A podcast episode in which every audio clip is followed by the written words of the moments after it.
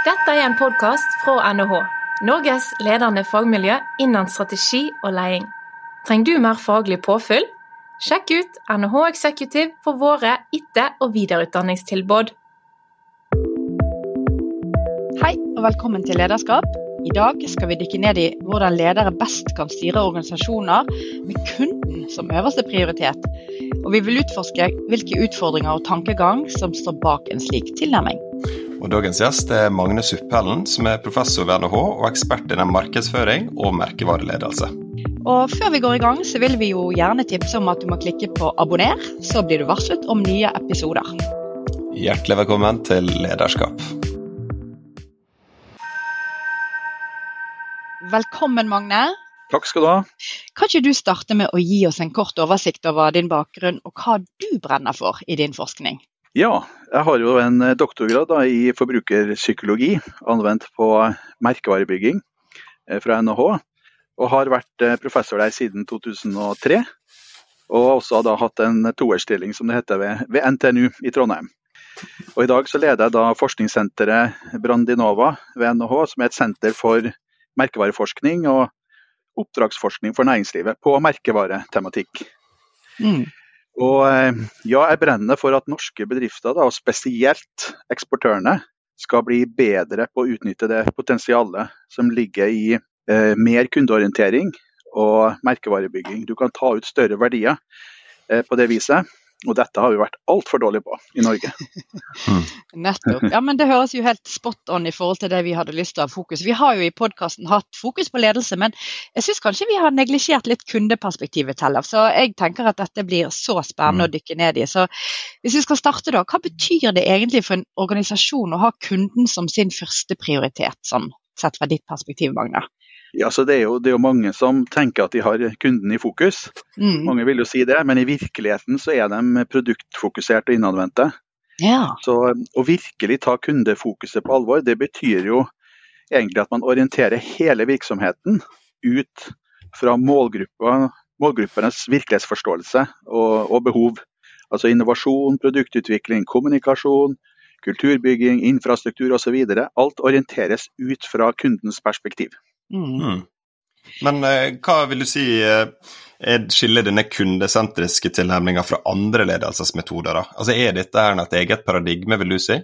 Ja, jeg vil si det. Fordi at eh, de aller fleste paradigmer og de fleste perspektiv på ledelse starter jo internt, sant? med bedriftens ressurser. Men har fokus på effektivitet og utvikling innenfra. Ikke det at en ikke anser markedet som viktig, men orienteringspunktet, utgangspunktet for tenkninga og prosessene og eh, arbeidet i bedriften, det, det, er eh, innad fra bedriftens ståsted. Og Så kommer kunden inn på et eller annet tidspunkt, men det som er radikalt da med kundesentrerte orienteringer på ledelse, det er jo at det er der det begynner, det er det som styrer det. Mm. Og så organiserer du deg innover i bedriften med utgangspunkt i innsikt om hvordan kunden tenker, hva kunden er ute etter, og hvordan markedet utvikler seg. Mm. Så det er, det er, en annen måte å tenke på, og det får store konsekvenser for hvordan eh, en driver bedriften. Mm. Mm.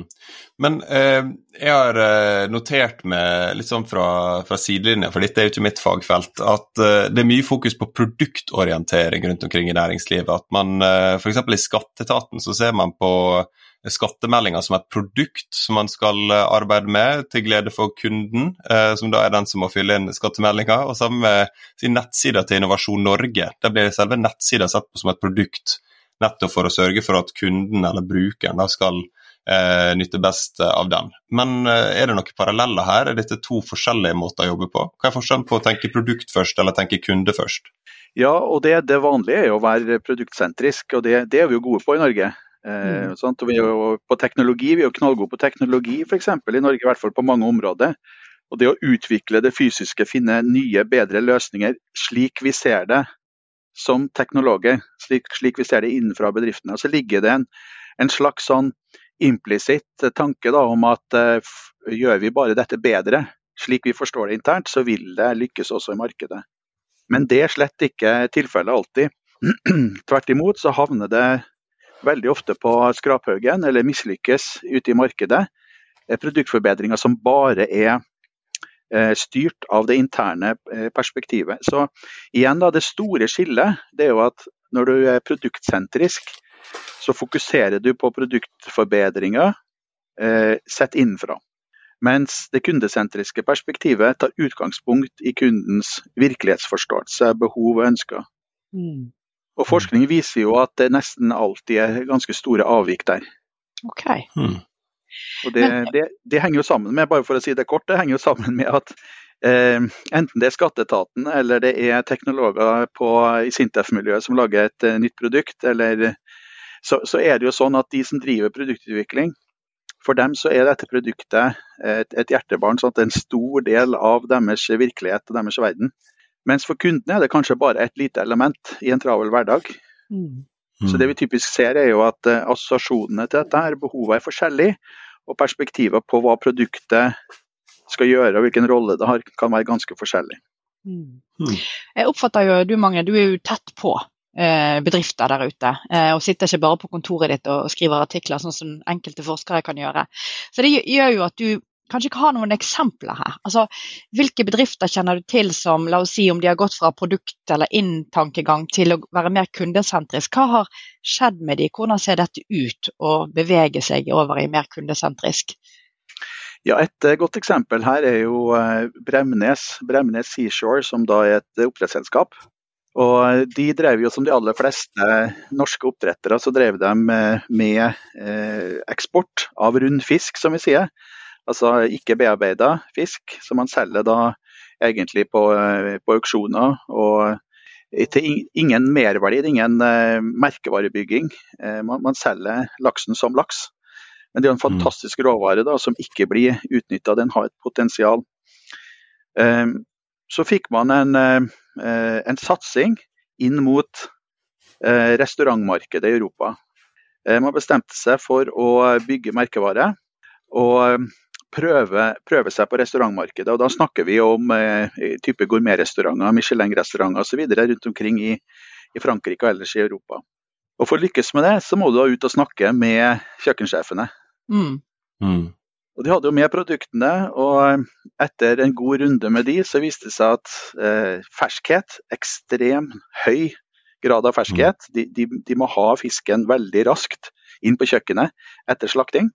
Eh, man mm. utvikla jo en metode for eh, eh, å høyne kvaliteten som egentlig dreier seg om at laksen den blir sendt på spa eh, mm. eh, rett før den blir slakta. Dvs. Si, I dette tilfellet så er det et veldig kaldt bad, for laksen trives best i iskaldt vann. Så temperaturen er veldig lav. Og Der koser den seg med god plass før den blir slakta, og det gjør noe med eh, teksturen og kvaliteten på, på, kjøttet. Og Så lager de da fileter, for det ønsker disse eh, kjøkkensjefene, men beholde skinnet på. Det skulle ikke fjernes industrielt, fordi disse kjøkkensjefene mener at dette er sånn kritisk for å få det skal se pent ut og smake godt, så det vil de gjøre selv. Mm. Så nå selger man da til Michelin-restauranter over eh, hele Europa disse filetene av veldig høy kvalitets bremneslaks. De, de, de brandede det Bumlo, så den heter Bømlo. Um, og de har jo selvfølgelig en mye høyere pris og mye bedre margin på dette enn uh, den runde laksen som de eksporterer. Og går du på en Michelin-restaurant i Frankrike i dag, og de selger laks, så vil du kunne finne at det står i menyen eh, Bømlo-laks. De bruker altså merkenavnet i menyen. Mm. Eh, så Det er jo en indikator på at dette, eh, de har oppnådd noe, altså. Så det er et eksempel. Ja, utrolig godt eksempel. Og så får jeg lyst til å stille spørsmålet da. Hei, her har du en kunde som vet hva de vil ha. Hva når mm. kunden ikke vet hva de vil ha, og du står der som bedrift og skal orientere deg inn mot kunden? Det må vel være tilfellet noen ganger? Ja, absolutt. Eh, men det kunden vet, det er jo hvilke behov en har. Ok, ja. Eh, og hva som motiverer for kjøp. Så da må du begynne der, for kunden er jo alltid sjef over egne behov. Eh, så den kunnskapen må du ha. Og så må du matche det da med de ressursene du har, og, og være, være, kreativ og komme opp med produkter som kan overraske positivt. Ja. Mm. Det høres jo lett ut, det. ja, det i prinsippet er det, er det, ganske enkelt. Men det er, det er utrolig spennende altså, i, i, praksis. For her kreves det både analyse, mm. Det krever at man eh, tar kundens perspektiv. og du vet det, det er ikke helt naturlig for oss, for vi lever jo alle til en viss grad i en boble. og Definerer verden ut fra egne perspektiv. Mm. Så, det, så det, er, det, er, slitsomt, og det krever systematikk og at man på en måte tvinger seg til å forstå kunden. Eh, og når du gjør det, da åpner det seg nye muligheter. Det gjør det. Mm. Men det er jo spørsmålet hvordan man skal identifisere ulike kundegrupper. For uh, la oss bruke Bømlo eksempel igjen. Da vil vel uh, kjøkkensjefene være én kunde for uh, la oss si B2B-marked, men fisken selges kanskje til privatmarkedet også. Klarer man å, å differensiere godt i ulike kundebehov? Ja, det er jo en, det er en veldig viktig ting. og Da må du i forkant da, ha identifisert disse ulike segmentene og hva, hva, de ønsker seg, hva de foretrekker, hva som utløser eh, kjøpsvillighet. Eh, når det gjelder Bremnes, er jo det et veldig godt eksempel på det, det du er inne på. For denne laksen da, som sendes på spa, og som da, det er jo en litt dyrere prosess, og derfor må du ta det ut i en høyere pris. Eh, det er ikke all den laksen som går til Eh, restaurantmarkedet i Europa. Det meste av den blir faktisk salmalaks for forbrukeren. Ah, ja. Mm. Så da har du en annen merkevare, eh, men også en, eh, en som tar ut en atskillig høyere pris, og som man har høyere margin på. Mm. Men det å ta dette kundesentriske perspektivet, og vi skal ta det fra et ledelsesperspektiv, perspektiv, hvilke, mm, om det går an å finne noen overordnede utfordringer kan ledere stå overfor når de skal ta en slik prioritering? Ja, altså Den store utfordringa er virkelighetsoppfatninga i første omgang. Fordi for at Alle i bedriften vil ha tanker om produktet, eh, hva som er bra med det, eh, hva som bør endres osv. Mens det som teller er jo da altså hvordan potensielle kjøpere vurderer det. Mm. Så det er det første, å bruke tid til å justere og endre virkelighetsoppfatninga. Det må du ha systemer for eh, mm. i, i, bedriften. Så det er en utfordring. Og så er det jo da bedrifter som i utgangspunktet ikke er vant til dette. De ser jo at det vil koste tid og penger eh, å forstå kunden. Altså gjennomføre undersøkelse, bearbeide dette, analysere osv. Det koster penger. Eh, så der vil du fort kunne få reaksjoner til å begynne med. Eh, men hele clouet er å starte med eh, kulturen og virkelighetsoppfatningene i organisasjonen, sånn at de skjønner hvorfor og mm. hvordan. Mm. Men nå hadde du et eksempel på et uh, selskap som du mener gjør dette godt. Har du eksempel på noen som har feila fullstendig å identifisere kundene sine behov? Ja, jeg tror ikke jeg skal nevne navn, da, men er, der er lista lang, altså. Okay. Eh, og vi er, vi er, jo som nevnt gode, gode, på teknologi. Vi er jo gode på å finne opp ting og, og komme opp med innovasjoner. Men så svikter det veldig ofte i, eh, i det å transformere disse innovasjonene til sterke merkevarer i kundenes bevissthet. Mm. Så kommersialiseringsbiten. Eh, jeg satt åtte år i Forskningsrådet, altså programstyret for det såkalte BIA-programmet i Forskningsrådet, det, det, var et program som fokuserte på innovasjoner med stort kommersialiseringspotensial. Mm. Eh, og Det var den, den samme utfordringa som gikk igjen hele veien, og det var selve kommersialiseringa. Det handler jo da nettopp om å gå fra et fokus på å få denne innovasjonen til å fungere, det er vi gode på, men mm. det er et stykke derfra da, til at kunden skal velge dette framfor det han er vant til å velge. Mm. For Det er færreste innovasjoner som er så radikale at dette, her, dette behovet har vi ikke fått dekket før. Mm. Eh, det finnes alternativ som folk er vant til å bruke, som de har lært seg å bruke osv. Da må du presentere det som noe vesentlig bedre sett fra kundens ståsted. Og Dette tas ikke nok på alvor. Eh, og det, det, er kanskje ikke så rart at det ofte er teknologene som sliter med det. Eh, og hva kan man gjøre med det? Eh, har hatt et par opplevelser med, eh, med disse her som har vært, eh, har vært, veldig nyttige og vært veldig interessante. Det jeg har gjort når jeg ser at, at kundeorientering er et problem, det er at jeg tar dem med til eh, samtale med kundene, eller mulige kunder, da, prospektive mm. kunder. Og så lar jeg de presentere innovasjonene sine og lytte til hva kundene sier. Mm. Da, er det, da, er det, mange som får sjokk. Altså, de blir sjokkert over hvor eh, enkelt kunden ser på det.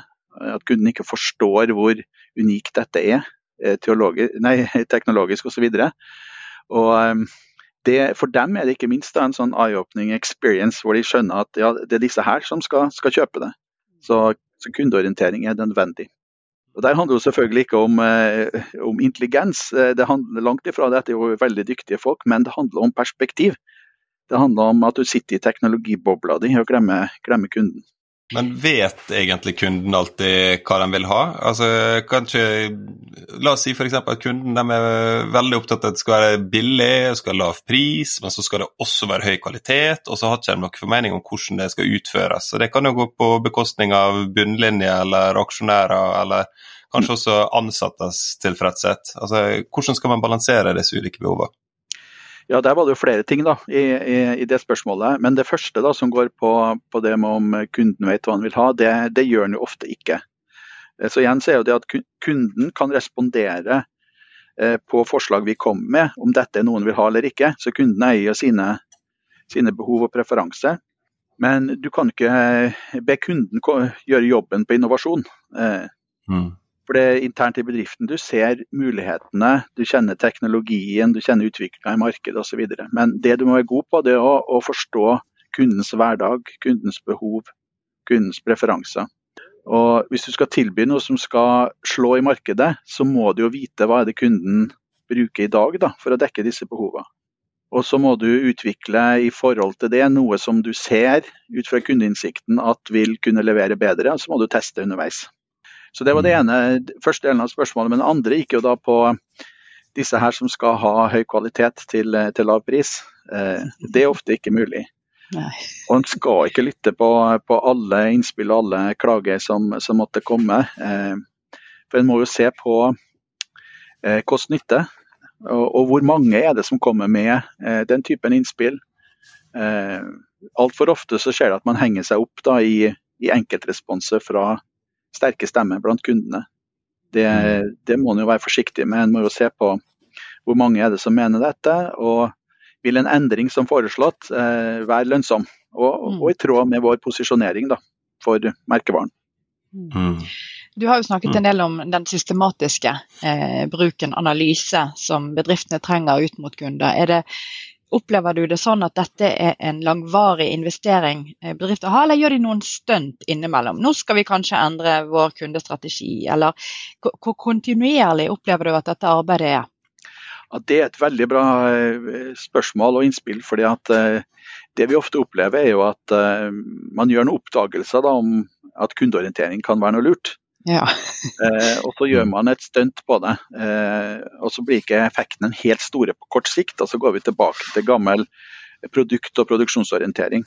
Men det er jo som vi var litt inne på i stad, at eh, skal, vi lykkes, skal man lykkes med dette her, så handler det om både om kulturen, tenkninga, og det å rigge bedriften, system og strukturer i, i forhold til det. Og det, det, er klart det tar tid å få dette til og, og høste gode gevinster av det. Men når man først kommer dit, så er det veldig mye å hente.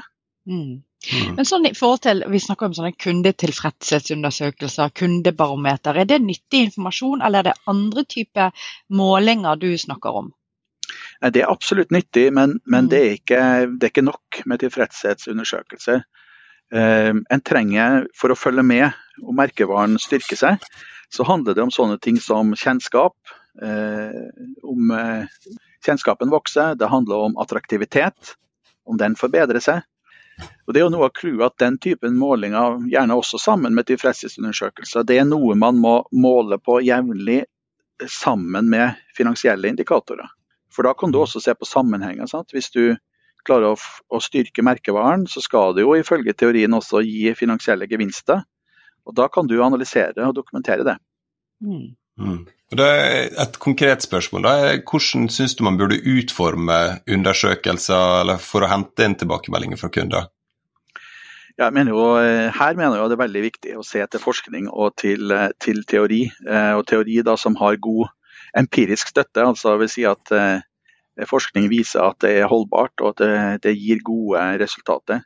Og da handler det om, når det gjelder merkevaren, så handler det for det første da, å se om, eh, eh, om kjennskapen vokser. Er det sånn at flere og flere får kjennskap til produktet? Og eh, eh i flere situasjoner, at det aktiveres i flere situasjoner. For jo flere valgsituasjoner det det er aktuelt og kan velges, jo, jo bedre. Men i tillegg så må du måle eh, holdninger til produktet. Og disse assosiasjonene, vi snakker om merkeposisjonering, at man definerer noen assosiasjoner attraktive som skal kjennetegne merkevaren. Eh, styrker vi oss på det? Og hvor lett er det å få tak i produktet? Eh, man ser jo for seg ofte en, en slags sånn salgstrakt, den har, har, vi kanskje hørt om. da. Mm. Hvor eh, i toppen så har du kjennskap til produktet, så må du ha en positiv holdning eh, interesse for produktet, lyst til å kjøpe det, og så må du ha anledning til å kjøpe det. og Så, så mister du jo folk på veien, derav mm. liksom, traktformen. Mm. Men poenget er at eh, god markedsføringsledelse eh, adresserer jo alle disse trinnene i trakten, sånn at du drar på en måte kunden gjennom. Og Da må du også mm. måle på alle trinn i trakten. Men hva vil det da si om målet? Vil du anbefale en kombinasjon av spørreundersøkelser og eh, kvalitative intervju? Eh, hvor stor datamateriale må du ha? Du, eh, hvordan ville du gått fram hvis du skulle la oss si, eh, undersøke kundetilfredshet knytta til et avisabonnement, da, som jeg er spesielt opptatt av? Ja, altså den, Det kommer an på hva man har i utgangspunktet, men la oss si at den starter fra scratch. Så må du gå ut kvalitativt først. For du må vite hva du skal spørre om, eh, og hva som er relevant. Eh, aller helst så bør du jo ha gjort en jobb på, på hva er det da som skal eh, differensiere. Hvordan vil du posisjonere denne avisa, da, eller dette medieproduktet, mm. i forhold til konkurrentene. For det, det, det, må du jo måle på. Um, men så er det jo um, de tingene jeg nevnte i stad, som du må ha på plass. Uh, hva må vi måle for å få det gjennom trakta at de blir abonnenter? Fra kjennskap, holdning, interesse osv.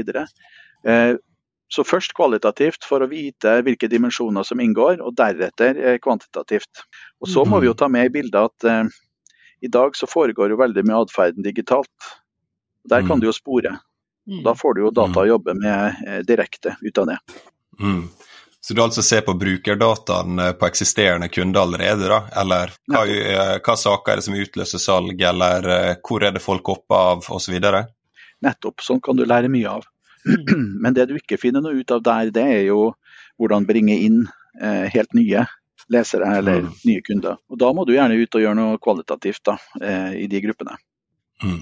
Og jeg har jo, eh, Vi har jo i tidligere episoder hatt uh, dette med lederstiler. Uh, og Vi har jo bl.a. vært innom tjenende ledelse. Og så oppdaget vi sant, med meg og deg, Magne, vi sitter jo faktisk ved siden av hverandre på kontoret her på NHH, at du også har begynt å forske på tjenende ledelse som en type lederstil som er oppfattet deg som er god på å være kundesentrisk. Kan ikke du utdype litt det? Ja, det, er jo, det har kommet en del forskning som viser at uh, tjenende lederskap er smittsomt. Mm. Eh, mm. Altså, det som kjennetegner kjenner lederskap, er jo en sånn altså Det sentrale kjennetegnet er denne viljen og evnen til å investere i ansatte. Et ekte, ekte engasjement for at de skal vokse og trives. Som ikke bare er rent sånn instrumentelt motivert eh, for lederen, at lederen skal lykkes og eh, det skal bli gode resultater, men at det ligger et sånt eh, genuint eh, engasjement i mennesket, eh, de mm. ansatte. Mm. Eh, og Det viser seg at denne som tjenende innstillinga den eh, smitter over på de ansatte. Og Det er en rekke studier som vi spesielt på salg, da, salgspersonell og salgsledelse som viser at de som har en eh, leder som er prega av, av tjenende lederskap, de er også mer tjenende overfor sine kunder. Da. De er bedre på, på kundebehandling. Og Dette er veldig interessant forskning som, som jeg jobber med videre også inn mot et annet område som er viktig i marketing, og det er jo eh, dette med kreativitet. Mm. mm. Hvor det viser seg at tjener lederskap også fostrer kreativitet. Mm. Nei, jeg synes jo det er veldig interessant. Vi, vi, har jo ikke tatt det kundeperspektivet kanskje som, som du i vår forskning på tjenende lederskap, men fordi at balansen i det, sånn som jeg oppfatter det, at ok, det å være kundesentrisk kan høres ut som det går litt på bekostning av de ansatte. Fordi at lederen er så opptatt av kunden, og så må de ansatte være det instrumentet bare. Men det du egentlig sier er at ja, det går an å ha to tanker i hodet på en gang? ja, absolutt. Og så, så, er det jo det at eh, eh, altså kundebehandleren som en som eh, bare skal drive råsalg mm. Eh, altså Det bildet, den måten å jobbe salg på, er jo passé. Nå, nå, skal egentlig alle selgere gjøre to ting. Eh, de skal selge, men de skal også forme merkevaren. De skal etterlate et inntrykk som gjør at merkevaren styrkes, og som også da vil øke sannsynligheten for gjenkjøp. Mm. Ofte snakker vi spesielt i business to business-markedet snakker vi om langsiktige relasjoner også. Mm. Eh, og det er klart eh, en, en kundebehandler som, eh, som, er god på det, å bygge merkevaren og utvikle relasjoner, eh, det er jo en, eh, en ansatt som trives eh, og som vokser og utvikler seg. Mm. Mm. Og Da er det tjenende lederskap som er en, en, god lederstil i den sammenheng. Mm. Mm.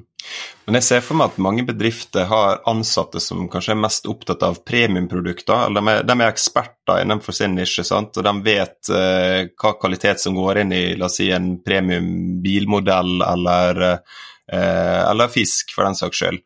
Eh, men så kan jo det kanskje være at uh, det som er viktigst for bunnlinja, det er den, de rimeligere modellene som kanskje i større grad er masseprodusert osv. Så sånn at kundens behov matcher kanskje ikke helt det ansatte syns er mest spennende. Kan det være en utfordring? Ja, sånne ting eh, kan man absolutt se, altså. Og da, og da, er man ekstra utsatt hvis du har en type leder som, som, ikke har noe av dette tjenende. Og der, og Det vil jo handle om å bygge kultur, og det vil handle om, å, om fokus på eh, å styrke merkevaren og bygge disse her verdiene inn i merkevaren over tid. Tillit til merkevaren. Og Ut fra det perspektivet skape en forståelse for at det er viktig da, å serve eh, disse kundene skikkelig. Mm. Mm. Mm. Ja, og det er jo, som du sier, denne kulturdimensjonen, eh, så du snakker egentlig rundt det med, med tjenende ledelse.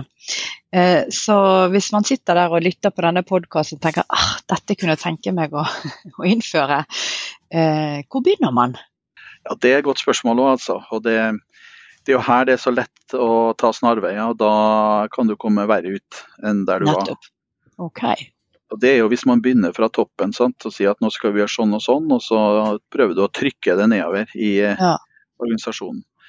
Men, men, poenget er jo da at den kulturen man har som regel i en bedrift, den er jo helt logisk eh, ut fra den virkelighetsoppfatning som gjør seg gjeldende i organisasjonen. Mm. Virkelighetsoppfatninga handler jo da om hva som er viktig, hvordan kundene tenker, hva er vår posisjon. Alle disse her tankene er jo selve fundamentet for de, de, normene og verdiene man styrer etter, og eh, folk handler etter og prater etter og, mm. og samhandler etter i organisasjonen. Så Poenget er at hvis du skal ha endring da i retning mer kundeorientering, så må du begynne med denne virkelighetsoppfatninga. Eh, du må bruke tid på å, på å, formidle, så folk forstår hvorfor kundeorientering er viktig, og, og hvordan det kan gjøres. For, sånn at da kan du i neste omgang si noe om her bør vi kanskje gjøre ting litt annerledes, ut fra den nye forståelsen. Mm. Mm. Hvis den ikke er på plass, så, eh, så kan du få all slags eh, rare motreaksjoner. Mm. Og så kan det vel kanskje være ulik tidshorisont på hvordan man ser på produktet eller selskapet som helhet. Det kan være at kunden ønsker noe nå, men at det ikke vil være riktig strategi for der selskapet ønsker å være om ti år. Hva tenker du om det?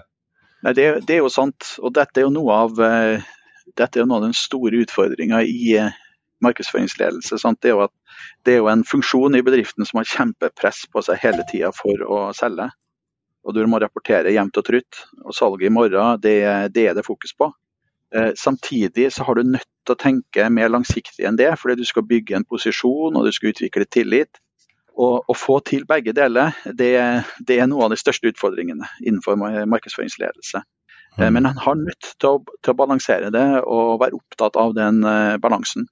Uh, noe av clouet for at dette skal fungere godt, både det langsiktige og kortsiktige tenkninga, det er jo at det langsiktige bildet av merkevaren, altså det vi kaller posisjoneringa, den må være så tydelig attraktiv at det harmonerer godt med det du fokuserer på i kortsiktig salg. Altså, De to tingene må henge sammen. Mm. Eh, da blir det kraftfullt. Mm. Mm. Og Apropos det å innføre kanskje et nytt perspektiv, og du snakket litt om ja, motstand internt. Eh, er det noen teknikker for å håndtere denne motstanden eh, som ligger innenfor merkevareledelse? Ja, egentlig så, jo, eh, så, trekker man her på den generelle litteraturen på endringsledelse, eh, og anvender det på, på våre problemstillinger. Men eh, det begynner jo som sagt da, med denne endringa i forståelse. Og gjennom det motivasjon for endring. Men noe av det som har vist seg helt kritisk i, i studier innenfor markedsføring da, på det, disse tingene, det er at den enkelte ansatte må få anledning til å fortolke dette inn i sin arbeidssituasjon, anvende det på sine arbeidsoppgaver. Så hvis de først har skjønt at okay, vi, må, vi, bør bli mer kundesentriske, mer kundeorienterte, ja, det er antagelig lurt. De har kommet dit. Mm. Så må du i neste omgang gi dem anledning til å eh, stille seg spørsmålet og få jobbe selvstendig med ok, hva betyr det for min arbeidshverdag, mine arbeidsoppgaver. For det som skjer da, at du får et uh, personlig eierskap til det og engasjement. Uh, og det vil bøfre veldig i forhold til uh, motstand, da. Ja. Nei, jeg hører jo det. Det er klassisk endringsledelse inni dette òg. Så vi er jo De fleste mm. som er på en arbeidsplass har jo lyst til å ha noe å si mm. for sin egen jobb og hverdag. Og da få dette til å spille sammen høres ut som en, en god plan. Men nå når vi ser at eh, AI, eh, dataanalyse, uh, brer om seg, hva er dine tanker om, om, det fremover i dette bildet? Det er utrolig spennende og får veldig store, store konsekvenser på, for vårt fagområde og dette med markedsføringsledelse. Så For det første så bidrar det jo til, eh, til, mye, til mer og bedre kundeinnsikt. Mm. Eh, altså vi, vi, kan vite mer om kundene og hva som virker. Eh, også på individnivå pga. digital sporing. Eh, vi får større datamengder på gruppe- og individnivå som gjør det lettere, eller vi predikerer bedre atferd ut fra det. Vi får større datamengder mer på individnivå. Og Det gjør jo at vi i neste omgang kan eh, skreddersy mer i markedsføring, og treffe bedre. Og For det tredje da, så har vi jo vi også fått nye og mye mer omfattende eh, systemer for mer eh, automatiserte, eh, eller automatisert markedsarbeid. Da. Dette er jo da systemer som eh, både innhenter data, analyserer data og iverksetter kommunikasjon digitalt. Mm. Mm. Jeg får jo bare lyst til å skyte inn. sant? Det kan jo bli litt mye. Jeg blir jo eh, Først skal du få sånn Vi minner om at nå skal du det og det er en kundeopplevelse. Og så dagen etterpå Kan du sende oss en tilbakemelding på hvordan du opplevde denne? Ja. Det ikke mm. veldig mye for tiden. Og det må jeg si er Ja, hva er dine tanker om det, Magne? Nei, altså det, Noe av det som er utfordringen her, er det at det er ingen som sitter med ansvaret for totaliteten. Ja. Så eh, den enkelte kjører jo på det man finner ut at virker, og når alle gjør det samtidig, så blir det for mye. Eh, men det er, jo, det er jo veldig positive sider ved dette òg. Eh, dette vi kaller eh, behavioral targeting. Mm -hmm. Du har sikkert opplevd også at du har, la oss si du har vært inne på en nettbutikk da, og sett på noen nye sko. Da har du kikka litt her og der, og, og, dagen etter så får du da et tilbud på det paret som du brukte mest tid på, mm. til en lavere pris. Og, og, veldig mange setter jo pris på det, eh, for her får de lavere pris på noe av det som er mest interessant. Så mm. helt presist til deres eh, preferanse. Så det, det, er mye bra her også, men problemet er jo at eh, det kan bli for mye, altså. Mm. Ja. Jeg tenker verstingen i klassen her, etter min mening som forbruker, er Post Nord, som sender meg mail om at pakken min er på vei, og så sier de at pakken er klar, og så vil de at jeg skal rate min opplevelse med å hente pakken. Jeg sa jeg ville bare hente tilbake min politikk. Helt gjennomsnittlig. Men det, men det, får bli en egen diskusjon. Men det blir veldig mye sånn kundetilfredshetsundersøkelser. og da eh, Så da kommer vi inn på det som handler om data, for det er også et spørsmål jeg har. Om eh, hvem er det egentlig som bruker sånne kundebarometerundersøkelser som Ipsos eller Kantar kjører? Kan du si noe om den gruppa og hvor verdifull den dataen er? Kan det virkelig bli representativt? Nei, altså de bruker det, Produsentene bruker det jo eh, for å eh, forbedre produktene sine. Men eh, vi er jo inne på en tematikk her som, er, som handler om eh, validitet. I hvilken grad kan man stole på dette her? Mm. Og blir det veldig skjevt? For eh, jeg skjønner jo at dere blir irritert av dette her. og det, det, det, er mange som gjør det. Og Der vil du jo ha skjevheter. Jo mer travle folk er, eh, jo mer irritert blir de. Så får du da de som har god tid eh, til å sitte her og gi tilbakemelding. Så det, det er nå det ene. Men, men, går du over til forbrukeren, da, om dette er nyttig for dem, så finnes det jo eh, noen eh, produkt- og tjenestekategorier hvor vi er veldig nøye med å, å sjekke hva andre syns da, før vi kjøper Mm. noe. F.eks. når folk bestiller hoteller og reiser og Mm. sånt i utlandet, så går du gjerne inn og ser på ratinga og tilfredshet. Mm. Eh, Så det har sin funksjon, men igjen, det blir mye av det. Og jo mer lei folk blir, jo lavere blir validiteten på undersøkelsene. Mm. Eh, Jeg vil også komme litt tilbake igjen på, eh, på AI, eh, og kanskje tenke litt løst og, og fritt her nå. Um, vi, vi vet jo at uh, mange selskap, da spesielt medieselskap, uh, de bruker telefonnummer på kundene sine knytta opp mot e-postadresse og sånt. og Det gjør jo at du kan uh, sanke inn veldig mye informasjon om hver enkelt forbruker. At dette kan linkes til husholdningsinntekt og bil og postnummer osv. Um, og I tillegg så kan man se for seg at det går an å sanke inn bilder uh, fra sosiale medier eller bare Google-søk, som også kan vise hvordan denne personen ser ut. Så, så veldig mange bedrifter sitter jo på detaljert kunnskap om hver enkelt kunde. Så med bruk av AI da, så kan man se for seg at det kan genereres egne reklame som er virkelig hypermålrettet mot, mot spesifikke demografier. Sant? Du, basert på et bilde så kan du kanskje til og med lage en annonse som, med en person som ligner på deg sjøl, med et budskap som er formulert på en måte som eh, du vil være mer eh, positiv til, eller som man har data på at skal fungere bedre. Mm. Eh, høres dette rimelig ut når jeg tenker høyt her, at dette kan, kan Ja, være realiteten om få år? Ja, Vi er der allerede. My, mye av dette gjøres jo, jo allerede, og, og mye av det testes ut. Eh, og dette med mobiltelefon, eh, det, det du fort kan oppleve i veldig nær framtid, er f.eks. at du er ute og kjører, og så nærmer du deg en elkjøp eller Power, alt dette hvor du har vært kunde før, og så fanger, fanger da en sensor der opp eh, mobilen din at du er på vei. Og så raser den da gjennom kundehistorikken din og ser at nå er det altså en god del år siden du kjøpte siste TV. Og før du kommer til butikken og kan svinge av og inn til butikken, så får du opp et tilbud på mobilen om en ny flatskjerm. Eh, Mm. Sånne ting er jo allerede på plass. Men også dette med å tilpasse kommunikasjon eh, til, til målgruppa, hvor man bruker karakterer og et innhold som er tilpassa historikken. Det er allerede på plass også.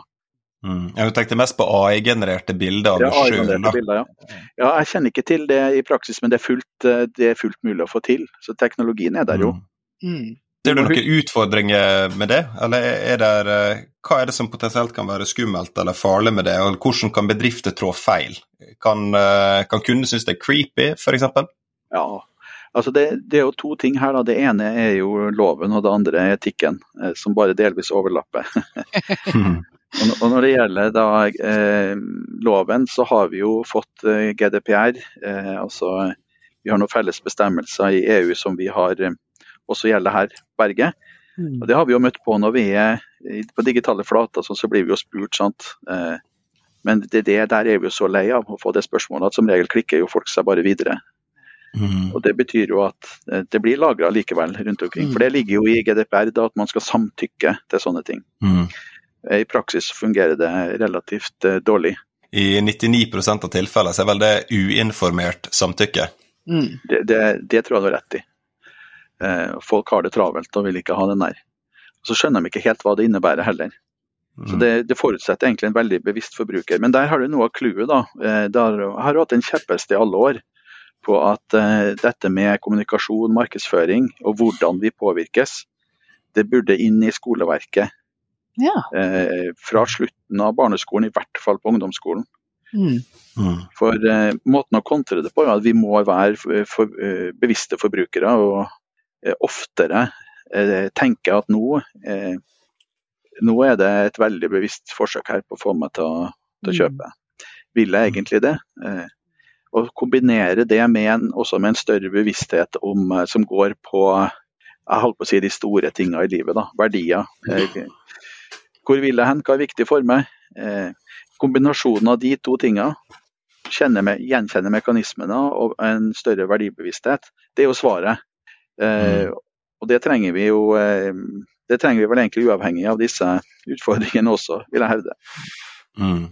Ja, for denne med kundesentriske tilnærminger kunne man like gjerne kalt for uh, velgersentrisk tilnærming, f.eks. Altså, la oss si du har et politisk parti som har en helhetlig politikk og i hvert fall 20 veldig konkrete uh, ting de vil jobbe med om de får makt og posisjon. Men uh, la oss si for en eldre person så er eldreomsorg viktigere enn gratis barnehage osv., og, så videre, og dermed blir kommunikasjon direkte tilpassa til den som ser ei digital annonse. Da. Kanskje til og med med bilde av seg sjøl og familien som står der og smiler. Og du skal få gratis barnehage, er den målretta eh, beskjeden? Ja. Nei, du har helt rett. Og uh, vi kan jo kalle det en sånn målgruppeorientert tilnærming. Mm. Um, også mer i sånn ideelle virksomheter, de som samler inn penger til gode formål, har jo nytte av denne måten å tenke på. Mm. Mm. Veldig bra. Jeg syns vi har fått dekket mange eh, spennende temaer. Jeg har lyst til å ta et par til før vi eh, runder av. Og Det ene er jo den der eh, Vi er vokst opp med at kunden har alltid rett. Hvordan mm. står det utsagnet seg i dag, Magne? Nei, det har jo aldri vært helt riktig, det. For kunden har ikke alltid rett. Altså han, for saken er at kunden ser jo ikke alle mulighetene som finnes hva bedriften kan og bør gjøre, det, det ser en ikke. Hvilke nye produkter som kan tilbys og utvikles osv. Mm. Eh, det er vel snarere tvert imot at altså, kunden er veldig ofte trangsynt ut fra egne erfaringer. Men eh, saken er jo at det er jo alltid kunden som kjøper, og kundene er sjef over egne behov og, og preferanser. Eh, og så er det bedriftens oppgave da, å overraske med nye og, og nyttige produkter og tjenester som kunden ikke så i utgangspunktet. Mm. Nei, det syns jeg var, jeg likte det. Så hvis vi skal runde av da med det siste spørsmålet, så handler jo Vi liker jo å, å gi noen konkrete tips. Eh, ja. Så hvis ledere kjenner på at ah, denne kunde først-tilnærmingen, det burde jeg eh, kanskje gjøre noe mer med. Eh, hva vil være dine tre beste råd? Ja, og de, de tre vil eh, henge sammen. Og det, det, første er jo, det har vi allerede vært litt inne på, det er jo at det begynner med virkelighetsoppfatning av organisasjonen. Mm. Det nytter ikke å ta snarveien eh, forbi det. Så organisasjoner eller avdelinger som skal kundeorienteres, må, der må man skjønne altså, eh, grundig hvorfor det er viktig å være kundeorientert og hva det innebærer. For der kommer motivasjonen til endring. Og så i neste omgang, når det er på plass, så trengs det system for innhenting og, og spredning av kundeinnsikt i organisasjonen. Og det, det, er en dynamisk greie, så kundene endrer seg jo hele tiden og hverdagen. Mm. Så, så, der må du ha system som sørger for at du er oppdatert. Eh, og for det tredje så trenger du system på toppen av det som sikrer at eh, man er, jobber aktivt og effektivt og smidig. Og her snakker vi om eh, agile eh, virksomheter. Da. Mm. Eh, I forhold til den kundeinnsikten man har, at man jobber agilt med innovasjon og forbedringsprosesser. Og det, det, handler jo om at man har system for raskt fange opp endringer, inno, innovere og teste mot forbruket. Og at disse mm. her loopene går raskt. Det, er, det, er det som ligger i agil eller smidig her. da. Mm. Så Hvis du da både har på plass virkelighetsforståelsen først, så lager system for å være tett på kunden, og for det tredje har system for å innovere og teste raskt. Eh, da, da, har du på en måte best practice innenfor dette. Mm. Så fint. Da kan vi minne om at vi har allerede hatt en episode om smidige team med André Heievik eh, tid tilbake, der vi gikk grundig ned i, i, de typer av team som i dag kalles smidige eller agile team. Så det var fint. Og ja, tusen takk Magne, dette var utrolig lærerikt og nyttig, syns jeg. Takk skal du ha. Ja, veldig kjekt å ha deg. Tusen takk. Du har nå hørt på Lederskap, NHHs podkast om ledelse. Jeg heter Tellef Solbakk Rabe. Og mitt navn er Therese Egeland. Kom gjerne med tilbakemeldinger eller innspill til tema. Du finner kontaktinformasjonen på NHH sine hjemmesider, eller så kan du skrive til oss direkte på Twitter eller LinkedIn. Og om du likte det du hørte, så blir vi veldig glad om du vil abonnere eller dele episoder med kollegaene dine. Vi høres!